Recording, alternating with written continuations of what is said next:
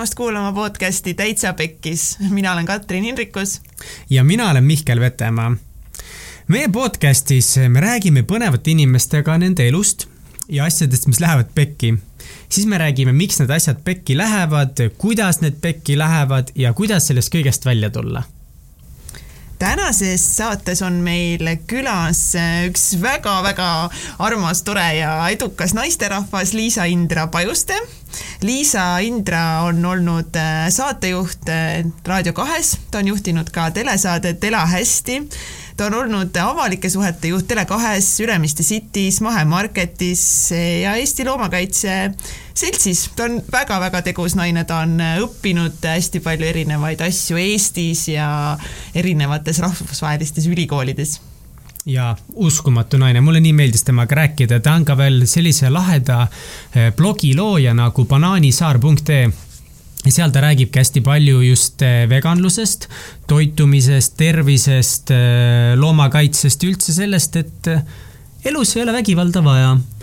ja temaga tänases saates me rääkisime sellest, kuidas ta käis, mis see tee oli?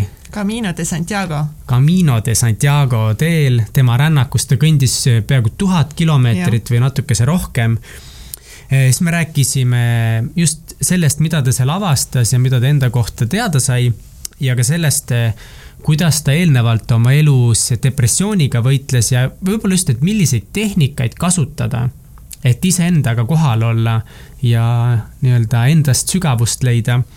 ja väga huvitavalt veel rääkisime, kuidas tema kasvas, tema koolilehest kasvas välja lõpuks Eesti Ekspressi üks eraldi väike osa ja ta oli ka Maailma Ajalehtede Liidus tegev et ühesõnaga, naine on väga palju erinevaid asju teinud, meil oli üliülipõnev vestlus temaga.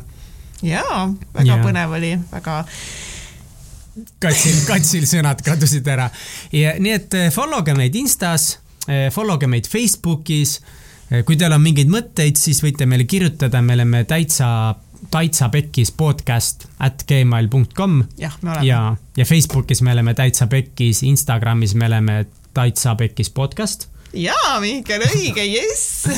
ja nii, et äh, aitäh kõikidele, kes äh, siiamaani meid kuulavad, me oleme väga palju ägedat tagasisidet teie käest saanud ja ma arvan, et äh,. ja kirjutage meile, mis teile meeldib ja mis teile ei meeldi ja andke tagasisidet ja that's what keeps us going.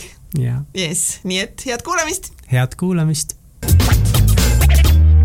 tere tulemast kuulama Täitsa Pekkis podcasti uut episoodi ja täna on meil külas äh, imeline Liisa-Indra Pajuste, kes äh, on tõesti üks kõige siiramaid ja armsamaid naisterahvaid, keda ma viimasel ajal tundma õppinud olen. oleme põgusalt teinud äh, koostööd ja äh, tema energia on äh, tõesti nagu siiras ja, ja puhas, lisaks kõigile nendele suurtele saavutustele ja õpingutele, mis ta oma elus, elus kogenud äh, on ja mul on väga hea meel, Liisa Indra, et sa tulid äh, täna meile külla.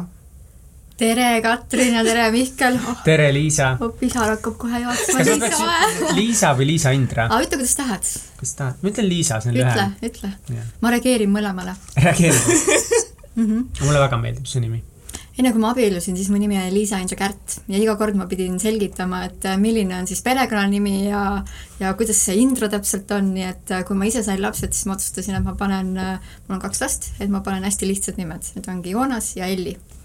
Et siis ei teki segadust, jah? jah, nagu Katrin ja Mihkel, väga lihtne. Aga mina pean selgitama. Liisa, Indra, Indra. Sidekliipsuga just. Aga Liisa tegelikult äh, alustaks vestlust sellest, et hiljuti saabusid sa Eestisse tagasi ja mitte tavaliselt puhkusereisilt, nagu eestlastel ikka kombeks on, vaid sa otsustasid minna Camino de Santiago rännakule, mis äh, siis on äh, kahe, kuskil kaheksasada kilomeetrit tavaliselt ja enam, ta vist ei ole enam palverännak. kuule, Liisa, räägi ise, mis asi see on? jah, mis asi, mis asi on Camino de Santiago? tead, ma räägin sulle selle tausta, sest et tõesti, ma seal käisin meile. ja kõndisin ära peaaegu tuhat kilomeetrit, minu jaoks oli see oota, palju sa käisid? Äh, tuhat kilomeetrit, peaaegu tuhat, natukene alla. ma käisin siis äh, Prantsuse ja Hispaania piirilt Püreneedesse ronisin, esimene päev oligi ronimine, see on omaette teema, ja siis kõndisin kogu läbi Põhja-Hispaania Hispaania siis äh, Atlandi ookeani äärde kõik, mis seal vahepeal on, oli väga palju maagilist, aga Camino de Santiago on tuhat kakssada aastat vana teekond ja ajalugu selle taga on see, et kunagi Jeesusel olid ju apostlid. ja pärast Jeesuse surma apostlid siis rändasid välja. seda sa võid teada olemata religioosne reaalselt ja siis üks Jakobus, St James või siis ka Santiago, äh, erinevalt siis, kuidas äh, keegi rahvas seda ütleb, äh, rändas Prantsusmaal ja Hispaanias. Ja siis Santiago ongi Hispaania kaitsepühak ja tema siis väidetavalt jõudis oma tegudega Hispaaniasse. Ja Hispaanias siis ma ei mäletagi, mitu, kui palju siis ennem selle, selle rännaku tekkimist siis oli äh, üks erak, kes elas metsas. Ja ükskord ta nägi metsas valguskerasid ja mingit kummalist valgust kukkumas taevas, taevast. ta läks eh, oma kohaliku piiskopi juurde ja ütles, et ma nägin niisugust asja, et see on väga kummaline, sest et seal lähedal oli ka üks vana surnuaed. ja siis piiskop läks asja uurima ja siis ühest täiesti kõrvalisest kohast kaevati siis välja Püha Jaakobuse säilmed. kuidas see on täpselt Püha Jaakobus, seda ma ei tea seepärast katoliku kirik tegelikult selliste oma reliikviatega tavaliselt on, on väga tõsine ja, ja enamasti otsitakse neid viiteid küll, aga ma ei tea, kuidas nad selle said siis tõestada, et see tõesti on Püha Jakobus, mitte mingisugune suvaline inimene kuskil tuhat viissada aastat tagasi, eks ju mhm. kaks tuhat, rohkem veel. et äh, ja, ja siis sellest ajast peale inimesed hakkasid minema äh, vaatama neid säilmeid ja, ja siis mida katoliku kirik tegi, nagu iga korralik religioosne süsteem, ehitas sinna ümber süsteemi, eks ju. Ja, siis vaatas, et kuidas seda saab nagu enda kasuks ära kasutada. Äh,. ma väga hästi, ma pean ütlema, religioossetest süsteemidest, äh, süsteemidest enamasti ei arva. Ähm,, küll aga mul on huvitav neid uurida. Ja mulle meeldib see, et igast süsteemist inimene saab lihtsalt läbi minna ja võtta seda, mis tal vaja on, eks ju ja aga inimesed hakkasid siis rändama ja rändasid igalt poolt, nad rändasid äh, põhjast, äh, ka läbi Prantsusmaa, nad ländasid äh, siis Aafrikast, ländasid alt Hispaaniast, ländasid sealt Iisraelist. Ja üks siis kõige populaarsem tee, mis tekkis, oli püha äh, Äh, Francis'e tee, ehk siis et Prantsuse tee, Camino Francis. ja see on see, mida ma kõndisin, mis siis hakkab sealt Püreneest ja niisugune keskmine tee, mis sealt läheb. nüüd on tekkinud nii palju teid veel, mis tulevad Portugalist, Lõuna-Hispaaniast, mis lähevad ülevalt Atlandi ookeani äärest, et äh, Põhja-Hispaaniast täitsa vee äärest seal, mere äärest et äh, see oli, see oli väga maagiline tee.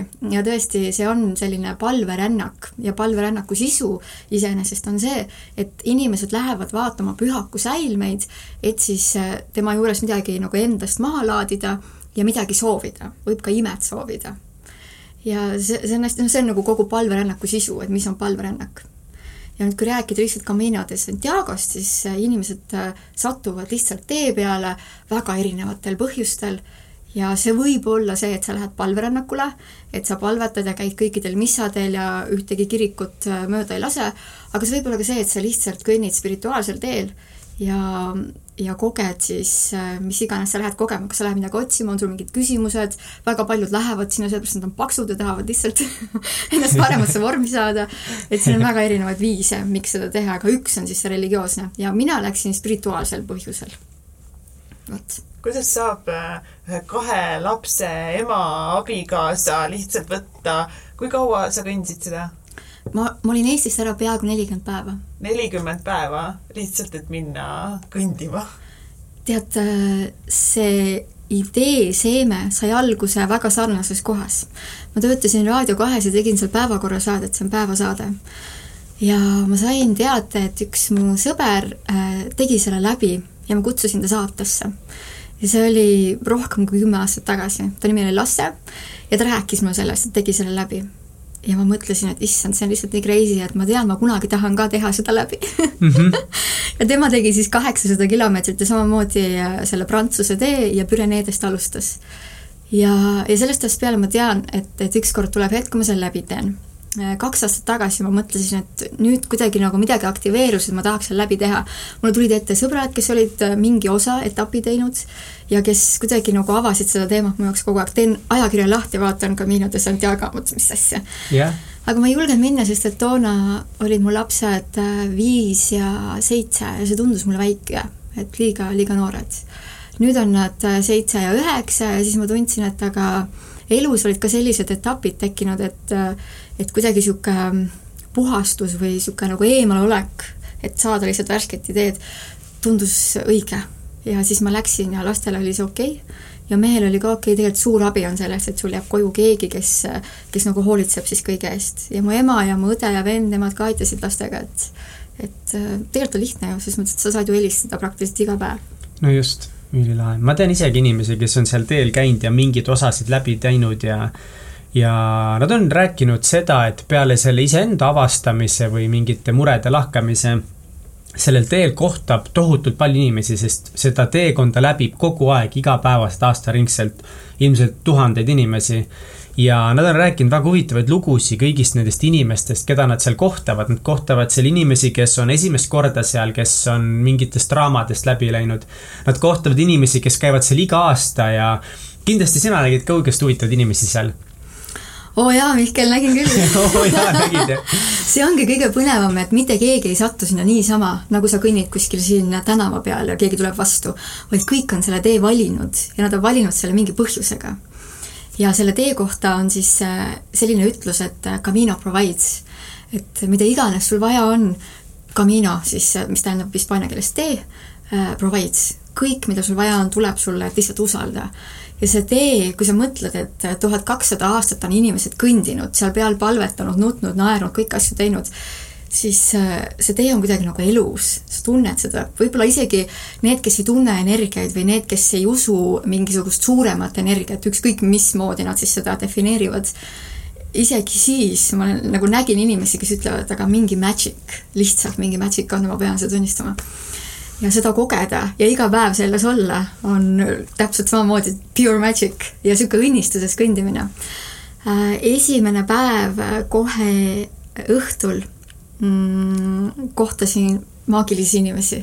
esimene päev oli kõige raskem ka, sest kujutad ette, et sa tuled siit Tallinnast, on ju, sõidad sinna kohale, mis iganes moodi keegi jõuab, ja sul on seljakott, ütleme, mul oli seitse-kaheksa kilo, halvimatel juhtudel oli mul kaksteist kilo ta võib olla kümme kuni viisteist protsenti su kehakaalust, aga kuna mina olen viiskümmend, viiskümmend üks, siis mul oli nagu, et noh, viis, viis kilo, eks ju.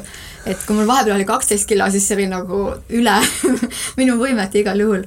aga, aga et äh, sa kõnnid selle seljakotiga seal ja, ja iga päev kogu su elu on lihtsalt seljakotis ja sa ärkad ülesse, sa võtad oma asjad ja lähed ja kui ma tulin siia tagasi, tead, kui imelik mul oli, sest mul on terve korteritäis asju. ja siis ma nädala otsa lihtsalt koristasin ja viisin peaaegu kümme kotitäit asju lihtsalt välja, siis mul oli niisugune tunne, et nagu too much. Ma tahan nagu uuendada ja õhku sisse lasta aga esimene päev siis sa võtad oma, oma kaheksa kilose seljakoti, oma mugavad tossud, oma riidid, hakkad kõndima. ma kõndisin kuussada kilomeetrit või kuussada meetrit, ma kõndisin kuussada meetrit ja juba tundsin, et issand, ma olen juba higine, hingeldan. Sest et juba hakkas nagu mäkke minek. Mida pekki noh, täpselt, täitsa pekkis. Täitsa pekkis.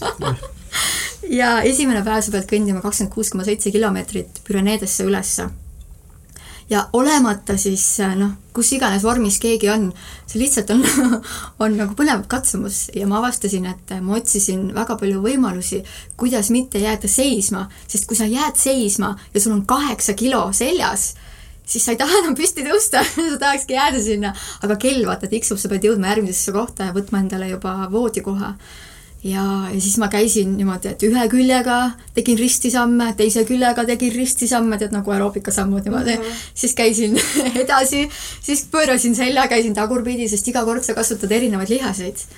ja siis lihtsalt selleks, et anda ühtedele liha, lihastele, pisikestele lihastele puhkust, siis ma lihtsalt keerasin kogu aeg. ma ei tahtnud väga pause teha, ma tahtsin kogu aeg kütta edasi et esimene päev oli päris, päris keeruline. ja kõndisidki kakskümmend kolm kilomeetrit? kakskümmend kuus koma seitse esimene päev. kuus koma seitse. et tegelikult iga päeva kohta tuligi keskmine mingi kakskümmend viis kuni kolmkümmend. ja kui sa mõtled, et kõnnin nüüd tuhat või kaheksasada on ju kilomeetrit, siis see tegelikult tundub palju, küll aga kui sa mõtled, ma kõnnin iga päev kakskümmend viis, siis see pole üldse palju. ja niimoodi ma nagu lähenesin sellele algusest peale. vot, aga sa küsisid inimeste kohta. just inimesed uh, need, kes mulle jäid kõige lähemale, olid äh, hästi põnevad, kohe tekkis niisugune Camino family, mingi niisugused sõprushinged. ma lõpuks jäin sinna kolme paari keskele, see pani mind mõtlema, et äh, see pani mind nagu vaatama suhteid. Äh, üks paar oli selline, kus oli noor Taani poiss, kahekümne kahe aastane ja ta oli psühholoog. siis kohe huvid pärast ma vaatan, et, et see oleks ruttu. jah. Teil oleks lihtne lisada. Üks paar oli Taani psühholoog, poiss kahekümne kahe aastane Benjamin ja tema armus ja temasse armus üks kolmekümne ühe aastane tüdruk Silvia, kes nüüd hakkas õppima Yale'i ülikoolis. ja see oli minu jaoks hästi huvitav, et mina näiteks naisena noori poisse väga ei tunne, et mingisugune kahekümne ühe aastane väga mind nagu inspireeriks. kui vana sa oled?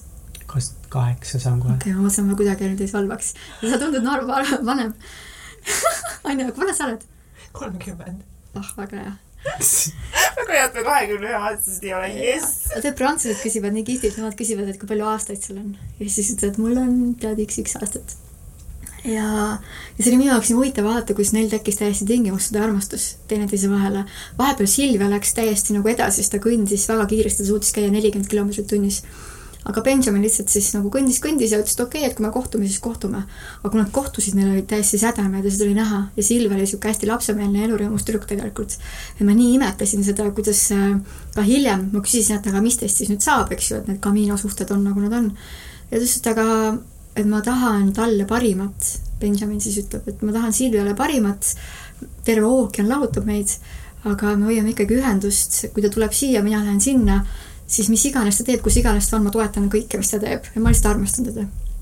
okei okay., siis teine suht-, suhe oli selline, mis oli ka, et ookean oli vahel, oli Robin, kes on siis äh, Kanadast ja õpetab seal kirjandust kusjuures. ja siis tema armas ühte UK poissi, kes äh, elab Itaalias ja õpetab mingis suures äh, rahvusvahelises koolis. ja nende vahel oli selline tingimustega armastus, sest et Robin oli läbi teinud väga huvitava, väga pika suhte, kus mees lihtsalt lõpuks kõnges maha ja suri ära, eks ju, olles lubanud talle igasuguseid asju, lõpuks jäi haigeks ja suri ära. Robin tuli sellest nagu pikast seitsmeaastasest suhtest välja niimoodi, et ma võib-olla raiskasin oma parimad aastad, on ju, ja mitte midagi, noh, et ma olin ebaausas suhtes ja nad ei usaldanud ka teineteist. ja siis tal on vastas UK poiss kes ütles, et tal oli selline suhe ühe naisega, kes ähm, äh, tal opereeriti rind ära, igasugused haigused olid ja ma küsisin, et kas siis nagu ei häiri sind, et sul on äh, ta oli ise kakskümmend midagi, kakskümmend kaheksa ka ja neljakümne kahe aastane naine oli, kes siis oli teinud läbi rinnaoperatsiooni. ja just ei, mind üldse ei häirinud see, et tal ühte rinda näiteks ei olnud. minu arust see nagu nii ilus, et ta niimoodi ütles. et ma armastasin seda inimest. Robini mehel kusjuures oli olnud selline haigus, et tal oli äh, lümfivähk ja tal opereeriti nina ära ja tal oli ninaprotees, kujutad ette inimest, kellel on ninaprotees. ja ta ütles, et aga mind üldse ei häirinud see, et ma armastasin inimest. ja nad mõlemad tulid nagu sellisest kohast ja lõpuks Robin tahtis, et oleks nagu konkreetsemat, aga Steve siis oli niisugune nagu seiklemise peal veel, ütles, et aga ma vaatan, kuidas see nagu läheb. ja nendel nagu jäi hästi palju tingimusi sinna vahele. ja siis oli kolmas suhe, mis ei olnud üldsegi romantiline, vaid oli, oli üks poiss Inda, kellest sai siis ka minu graafiline disainer, kes tuli sinna maha jätma oma eluarmastust kes äh, oli ära surnud. ja igale poole ta poetas natukene selle tüdruku Anna asju. ja see oli hästi ilus lugu, kuidas tal lõpuks äh, silmad jooksid vett, kui ta viimase asja maha pani. ja see Anna oli surnud äh, rinnaähki. ja ta arvas, et see on tema eluarmastus. ja ta oli tema kõrval olnud kuni lõpuni.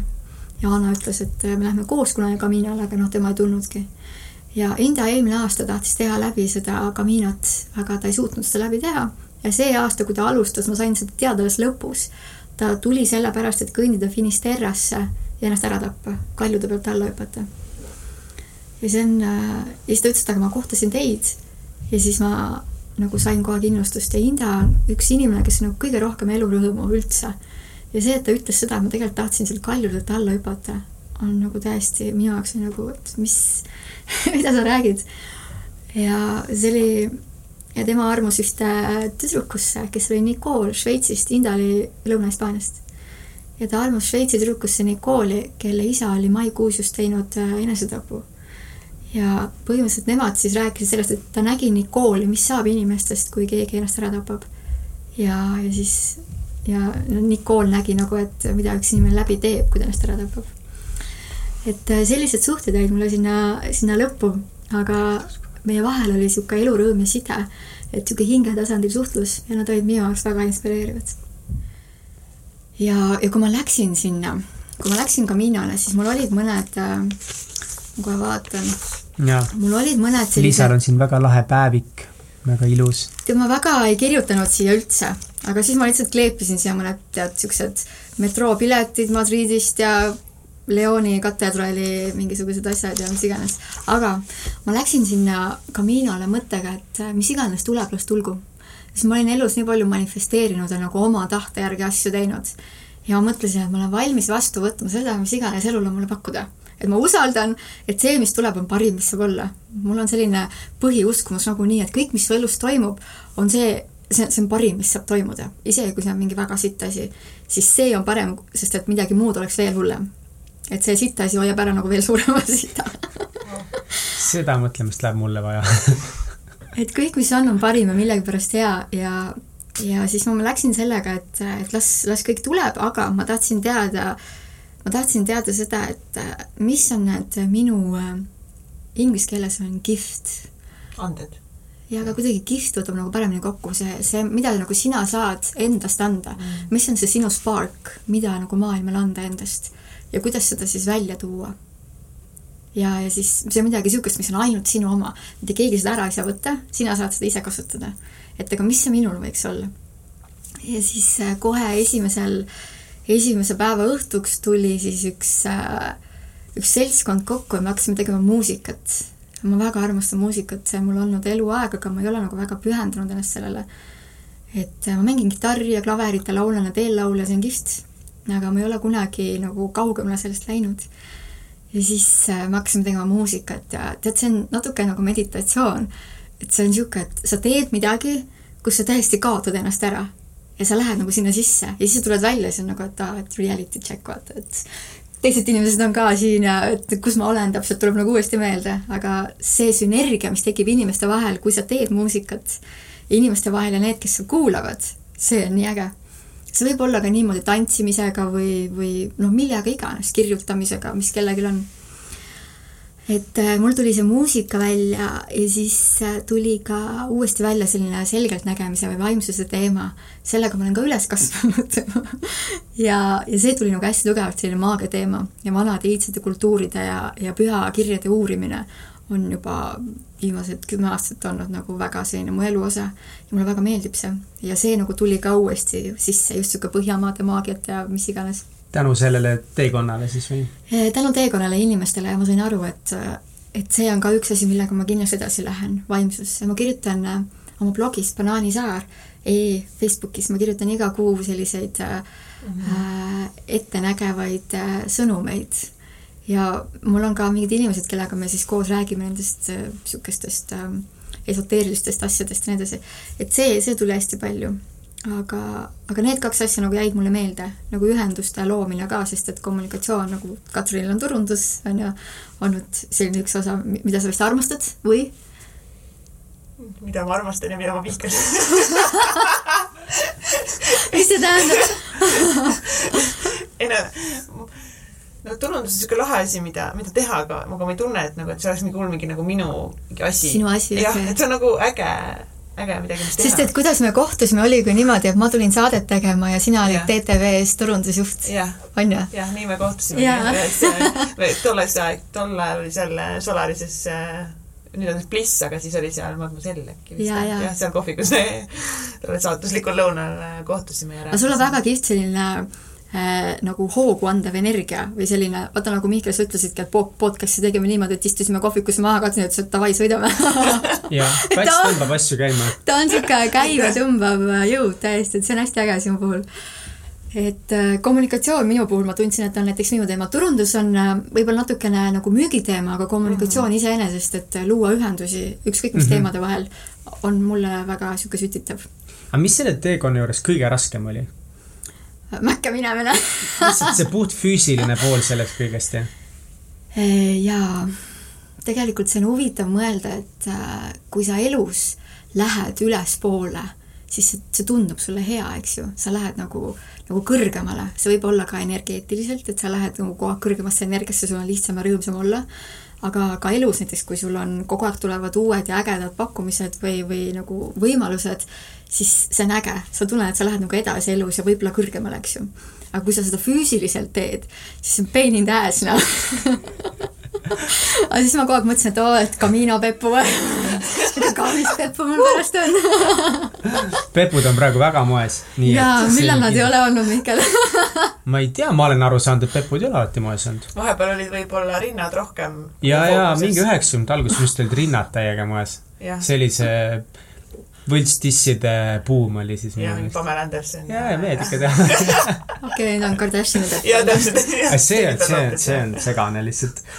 kas sa teeksid uuesti seda või? kas sa läheksid veel? jaa, muidugi teeksin et äh, ma veel lisan sellele äh, mõttele, mis ma ütlesin, et füüsiliselt on raske üles minna, aga tegelikult emotsionaalselt on äge üles minna ja füüsiliselt on hullult kerge alla minna ja niisugune, et aa jee, nüüd ma lähen alla, vaata, et nüüd on mäest alla minek ja nii mõnus on minna alla. sa lähed nagu hoog on taga ja nii edasi, aga mõtle oma elus, kui sa lähed alla kui sul asjad lähevad allamäge, see pole üldse äge, eks ju.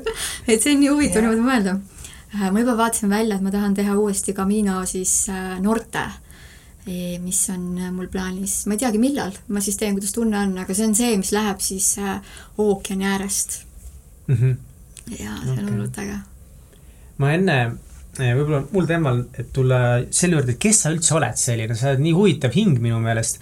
ja ma enne Katrinile ütlesin, et sa oled vist inimene, kes on kõige rohkem erinevaid asju õppinud, kellega ma olen kunagi isiklikult kohtunud ja siis ma mõtlesin, et kas ma loen ette kõik need asjad, mida sa õppinud oled, aga ära loe. ma ei loe kõiki neid asju, mida sa õppinud oled, aga sa oled hästi palju õppinud ülikoolis erinevaid asju, eks ole. seinast seina asju. seinast seina, pluss sa oled ise palju õppinud toitumise kohta, erinevate eluvaldkondade kohta, et oled, ma saan aru, sa oled kursusi läbinud, sa oled ülikooli läbinud. me peame oma need podcast'i show notes'id ära tegema kuskile ja me peame ikka sinu lingid panema igale poole, siis inimesed saavad ise vaadata, sul on Facebookis mm -hmm. kõik kirjas need asjad, mis õppinud oled ja neid ridasid on siin üks, kaks, kolm, neli, viis, kuus, seitse, kaheksa, mingi kakskümmend, kakskümmend midagi rida. ja et. ja kuidas need kokku tulevad või? kuidas need kokku tulevad, miks sa oled nii palju õppinud? miks sa nii palju erinevaid asju teed hea küsimus.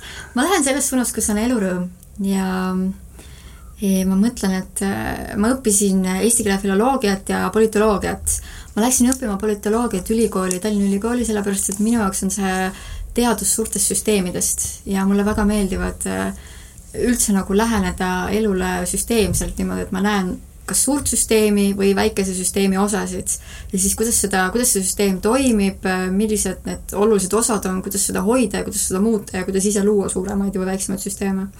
politoloogia teadus ühiskonnast äh, on üks süsteem ja ma läksin seda lihtsalt sellepärast õppima, et mulle pakkus huvi, kuidas erinevates kohtades süsteemid toimivad, mis seal sees on.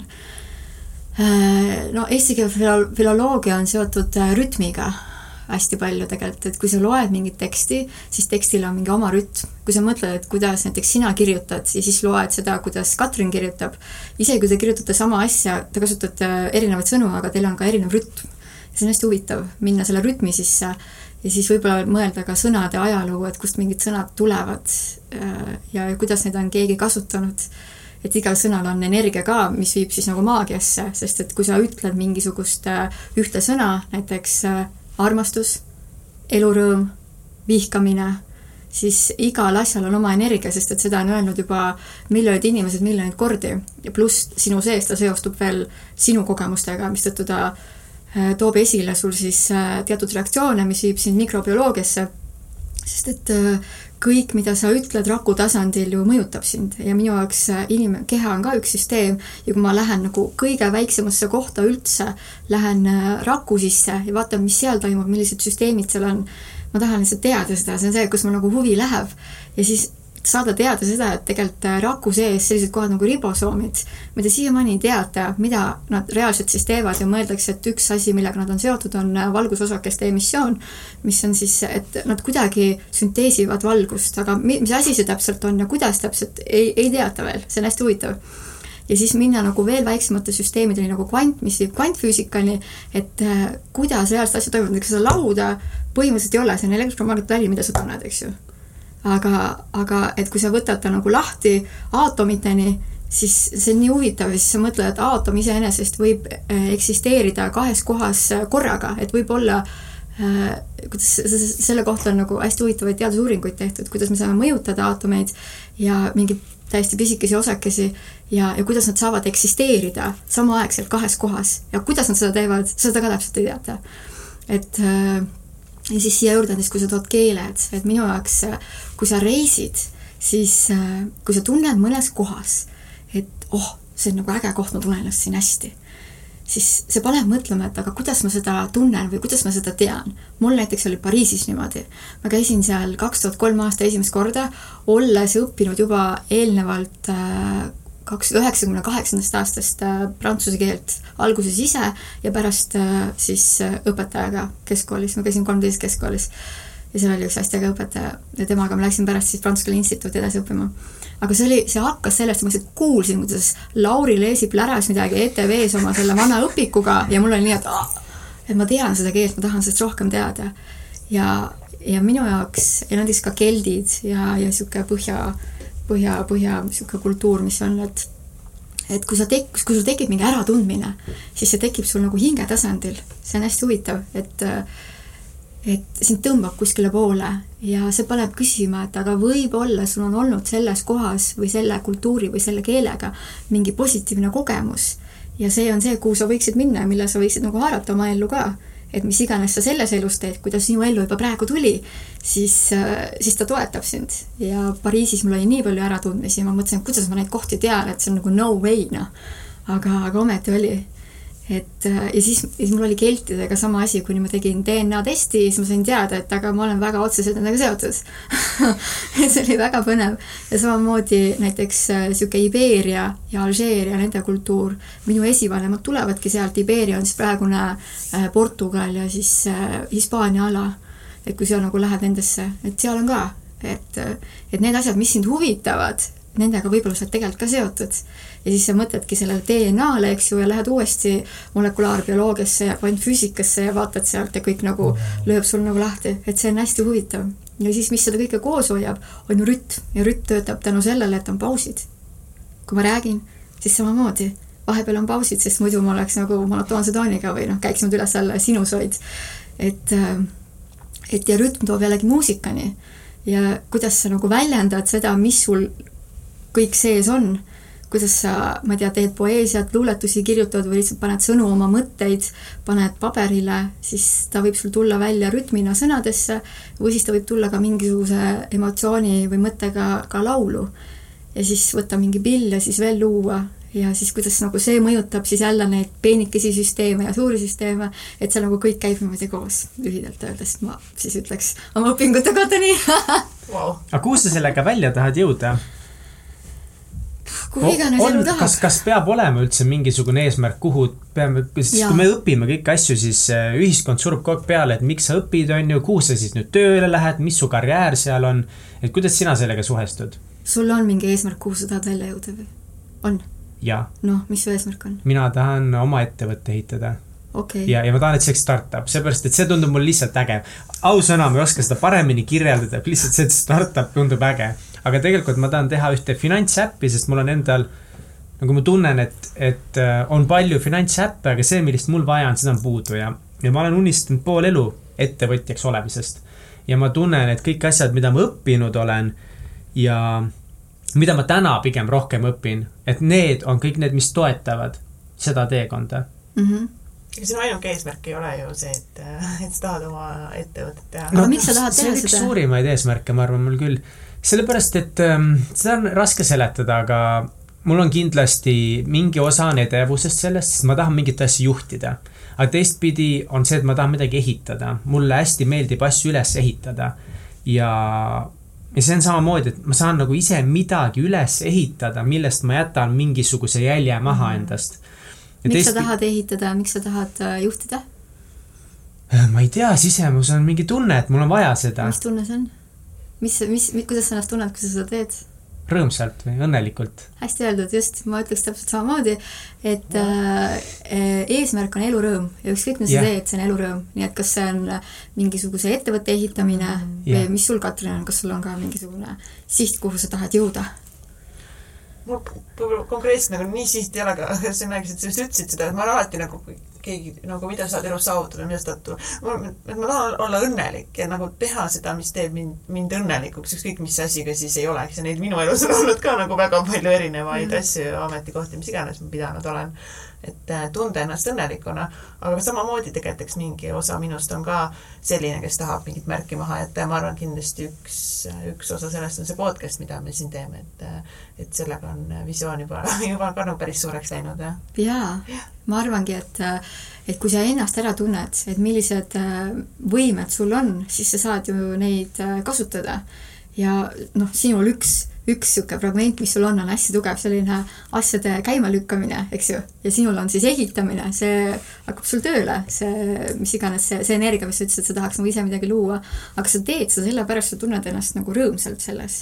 ja kui sa nüüd keskendudki sellele eh, oma minale, et, et aga kuidas ma ennast nüüd tunnen ja, ja, ja siis sinu elurõõm on sinu sees ja kõik su suhted ja su tööd ja asjad nagu koonduvad selle elurõõmu ümber, et sa ise ei jookse mingite asjade järgi, vaid sa tuled tagasi endasse, et aga okei okay,, et kus ma nüüd lähen, et mis mulle rõõmu pakub? Ja, ja kui ei oska alguses kohe rõõmu leida, siis otsid selle niisuguse relief'i, et mis, mis sul nagu leevendab siis seda, seda olekut. Ja siis sellest relief'ist lähed edasi, jõuab elurõõm, no sest kui sa oled väga sügavas augus, siis alguses elurõõm tundub väga kauge eesmärk.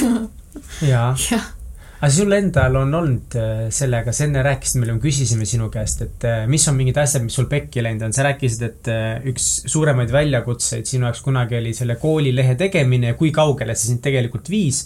ja teine asi, mis sa mainisid, oligi see, et kui sul oli väga tugev depressioon mm. -hmm. kas te olete kogenud elus masendusdepressiooni?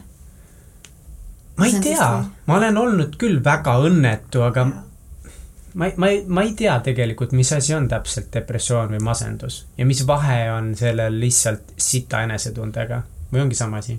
ei, Katrin, mis sa ütled?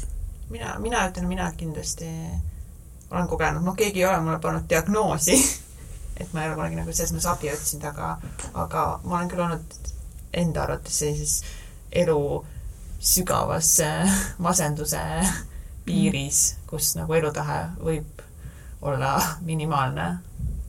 kuidas sa tundsid ennast siis või mis sul juhtus? ma ei teagi seda kusjuures. tahad sa jagada seda? võib-olla väga pikalt ei ole ma võib-olla täna veel valmis seda, seda nagu teekonda jagama, aga aga tundsin, et mind ei ole vaja mitte kellelegi, et elul ei ole mõtet, ma nagu ei teadnud, kuhu sihti, mida, mida joosta, mida teha. kõik oli lihtsalt mõttetu mm.. jah. viska viis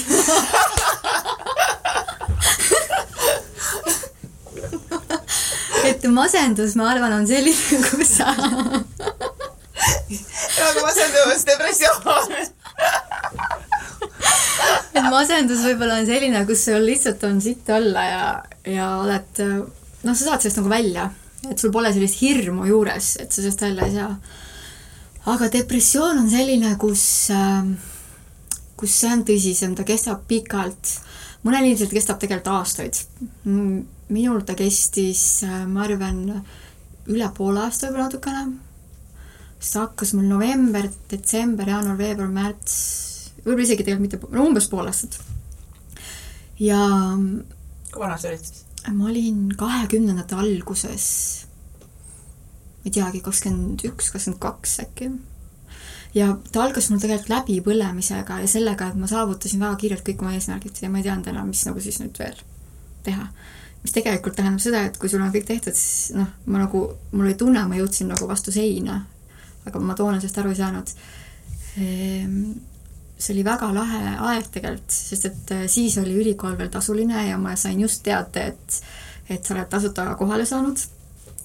Siis ma nägin vaeva selleks, et mu hinded tõuseksid ja ma olin aktiivne ja siis ma saingi ja siis mul oli oh, jess ja, ja üldsegi ma just tegin siis ka Kaitseminis ja NATO seal ühingus tegin oma, oma praktika ja jäin tööle NATO ühingusse, see oli väga äge.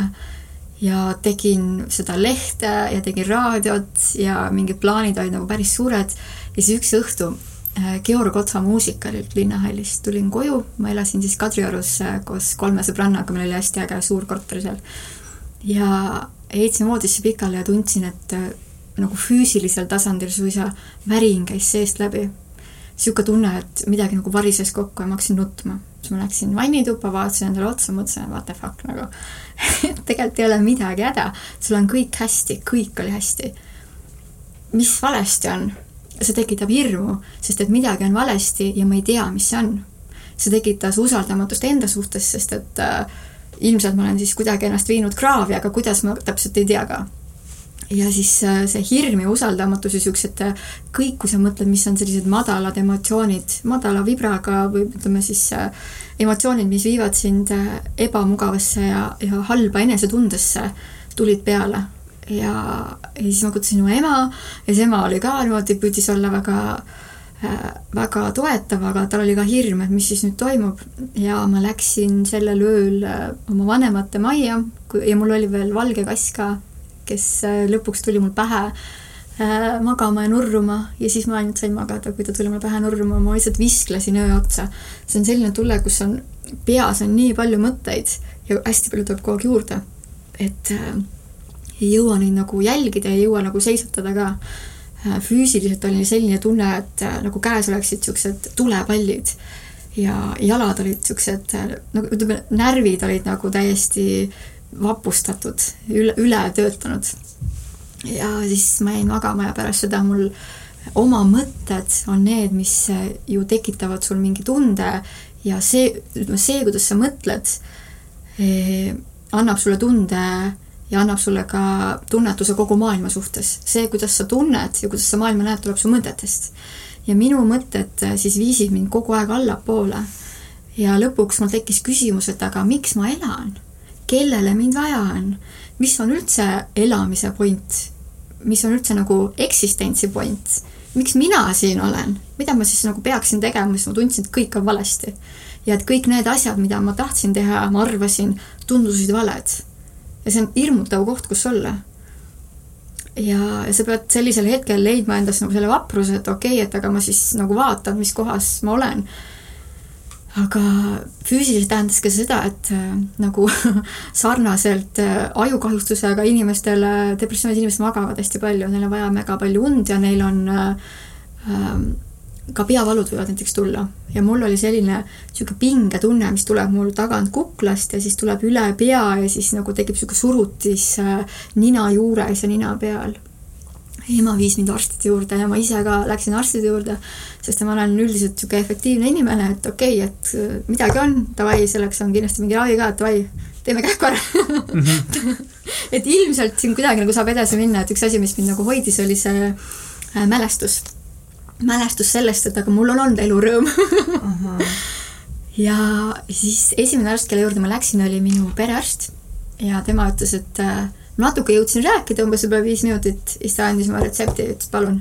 see oli mingisugune, kas Prozac või mingi, ühesõnaga mingi, ma ei mäleta, mis see oli täpselt, mingi, mingi tuntud antidepressant. ja siis ma vaatasin seda ja olin tegelikult nagu solvunud, sest ma mõtlesin, et äkki ta kuulab mind ära, vaata aga ta ei kuulanud mind ära ja ma ütlesin, et, et aga ma tahaks nagu aru saada, sest kuidas ma tean, et ma uuesti siia ei tule.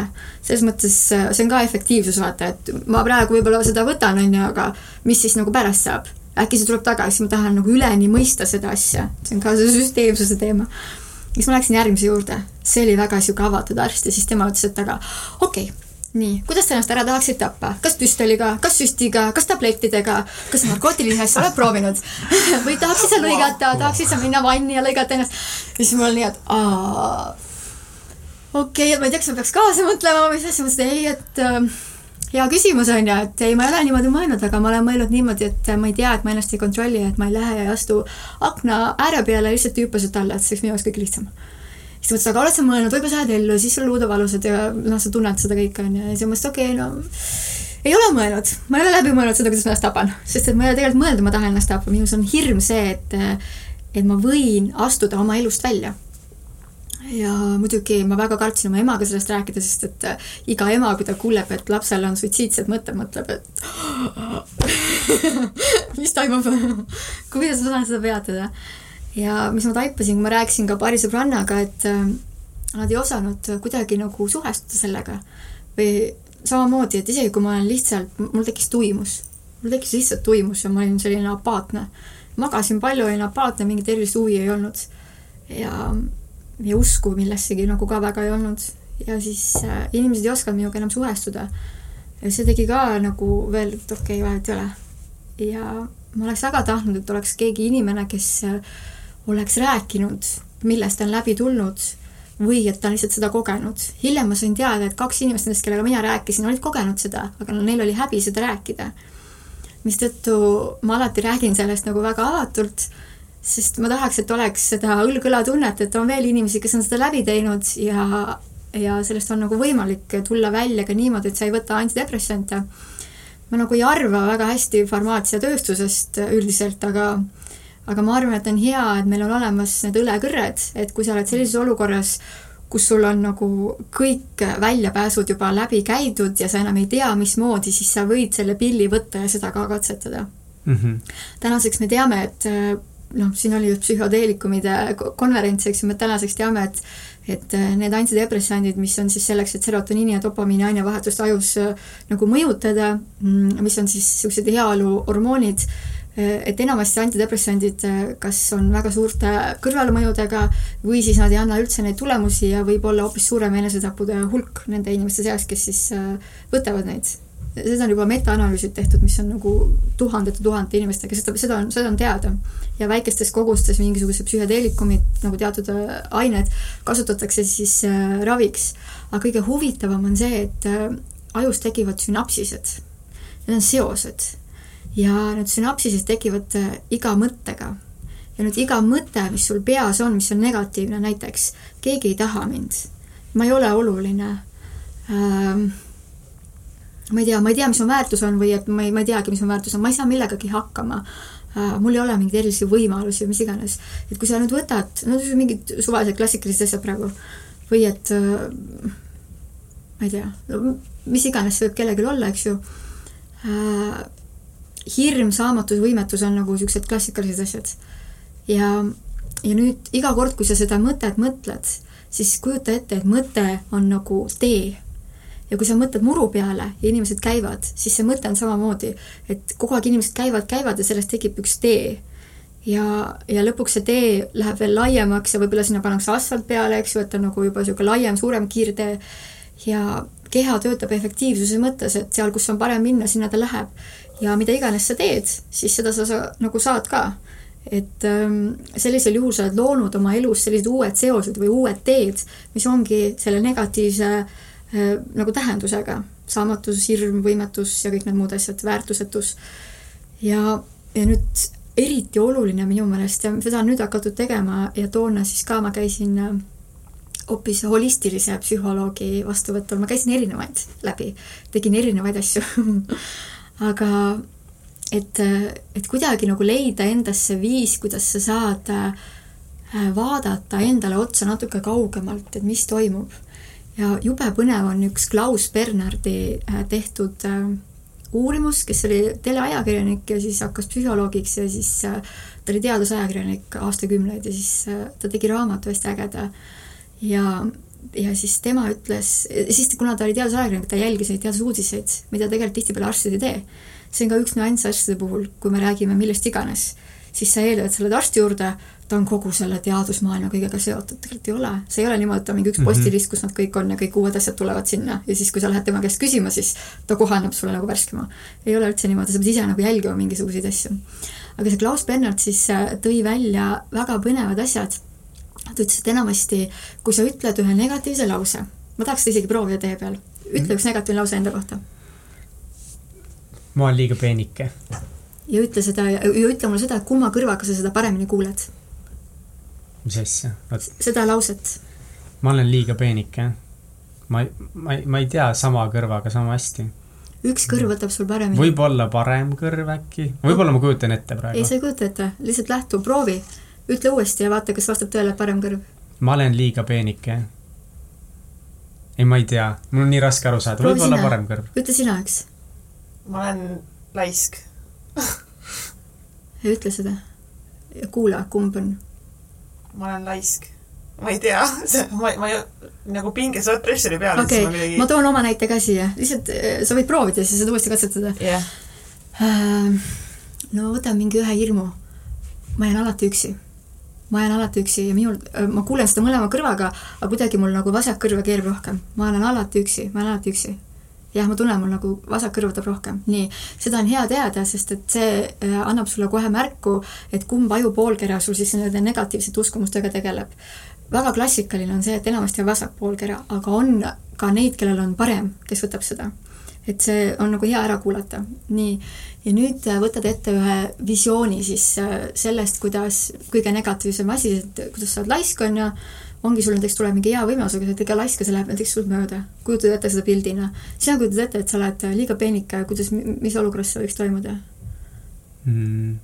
ma ei tea ongi lihtsalt okei okay,, sa peegli ees ja sa vaatad ja sa, sa oled nagu peegli ees toes, siis ma panen tähele seda, jah. oled peegli ees ja vaatad, et ma olen liiga peenike, et nagu mm, -hmm. nagu nõme, eks ju, ja siis tunned, kuidas on ebamugav olla.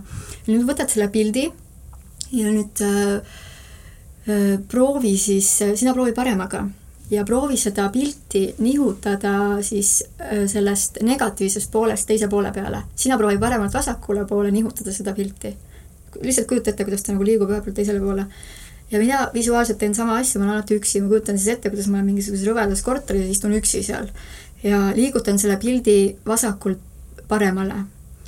ja äh, siin pingeolukorras võib olla seda teistmoodi teha, aga reaalselt minu jaoks pilt muutub.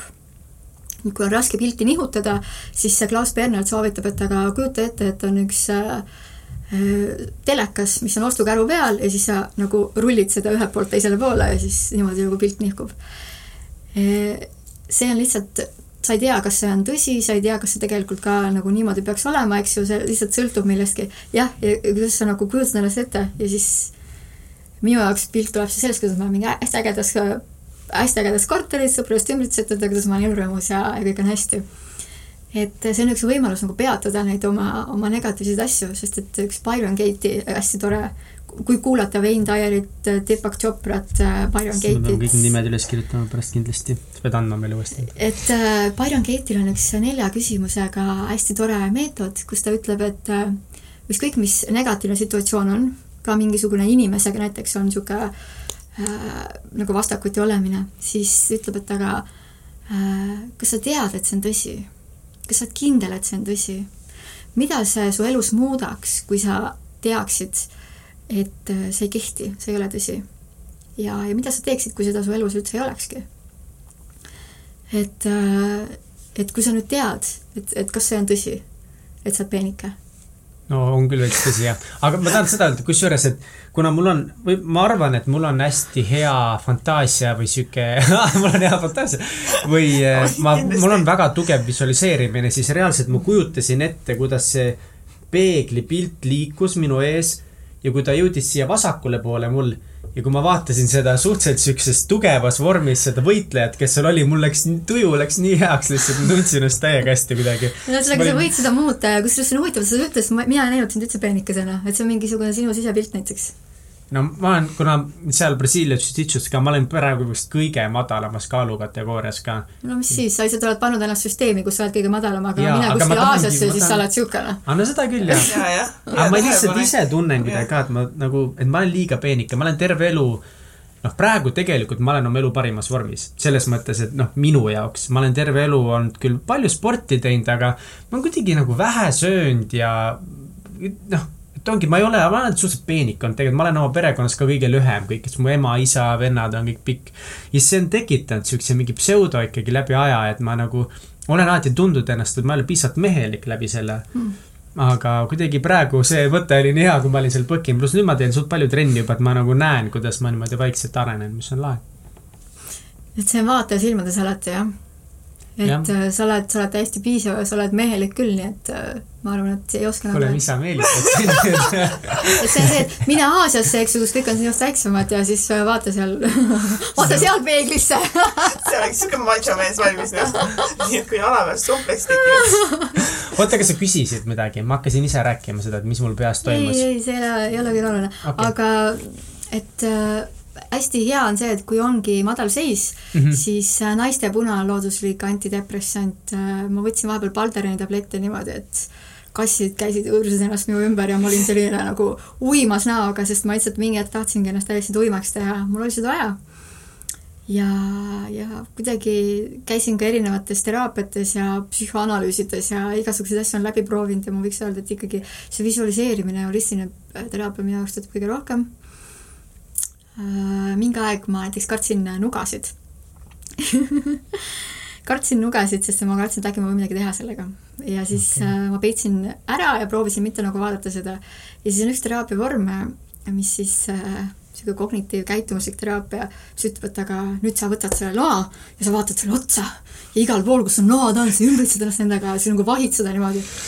ja siis ma tegin wow. seda, onju, ja igal pool olid noad ja siis ma olin aga kaua aga sul see depressioon nagu, kestis? ei ma ütlengi, et ei olnud tegelikult äh, rohkem kui pool aastat. aga see oli see hetk, kui ma tundsin, et okei okay,, et äh, ma tulen nagu sellest tagasi, ma tulen sellest välja. ja jumalale tänu, et ma ei ole tegelikult võtnud äh, elus kunagi antidepressante ja mulle meeldib see, et, et see õlekõrs on alati olemas.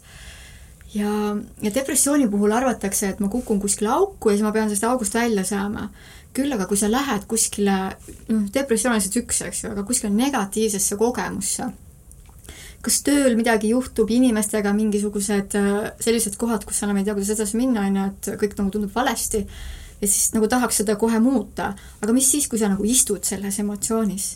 oledki rahulikult ja vaatad, et okei okay,, mismoodi ma ennast tunnen, mis pildid mul pähe tulevad, mida ma mõtlen, mis tunded mul on ja ka tundmused keha peal. ja lihtsalt nagu jälgid seda ja siis enamasti, mis toimub, on see, et sa nagu vajud sellest läbi.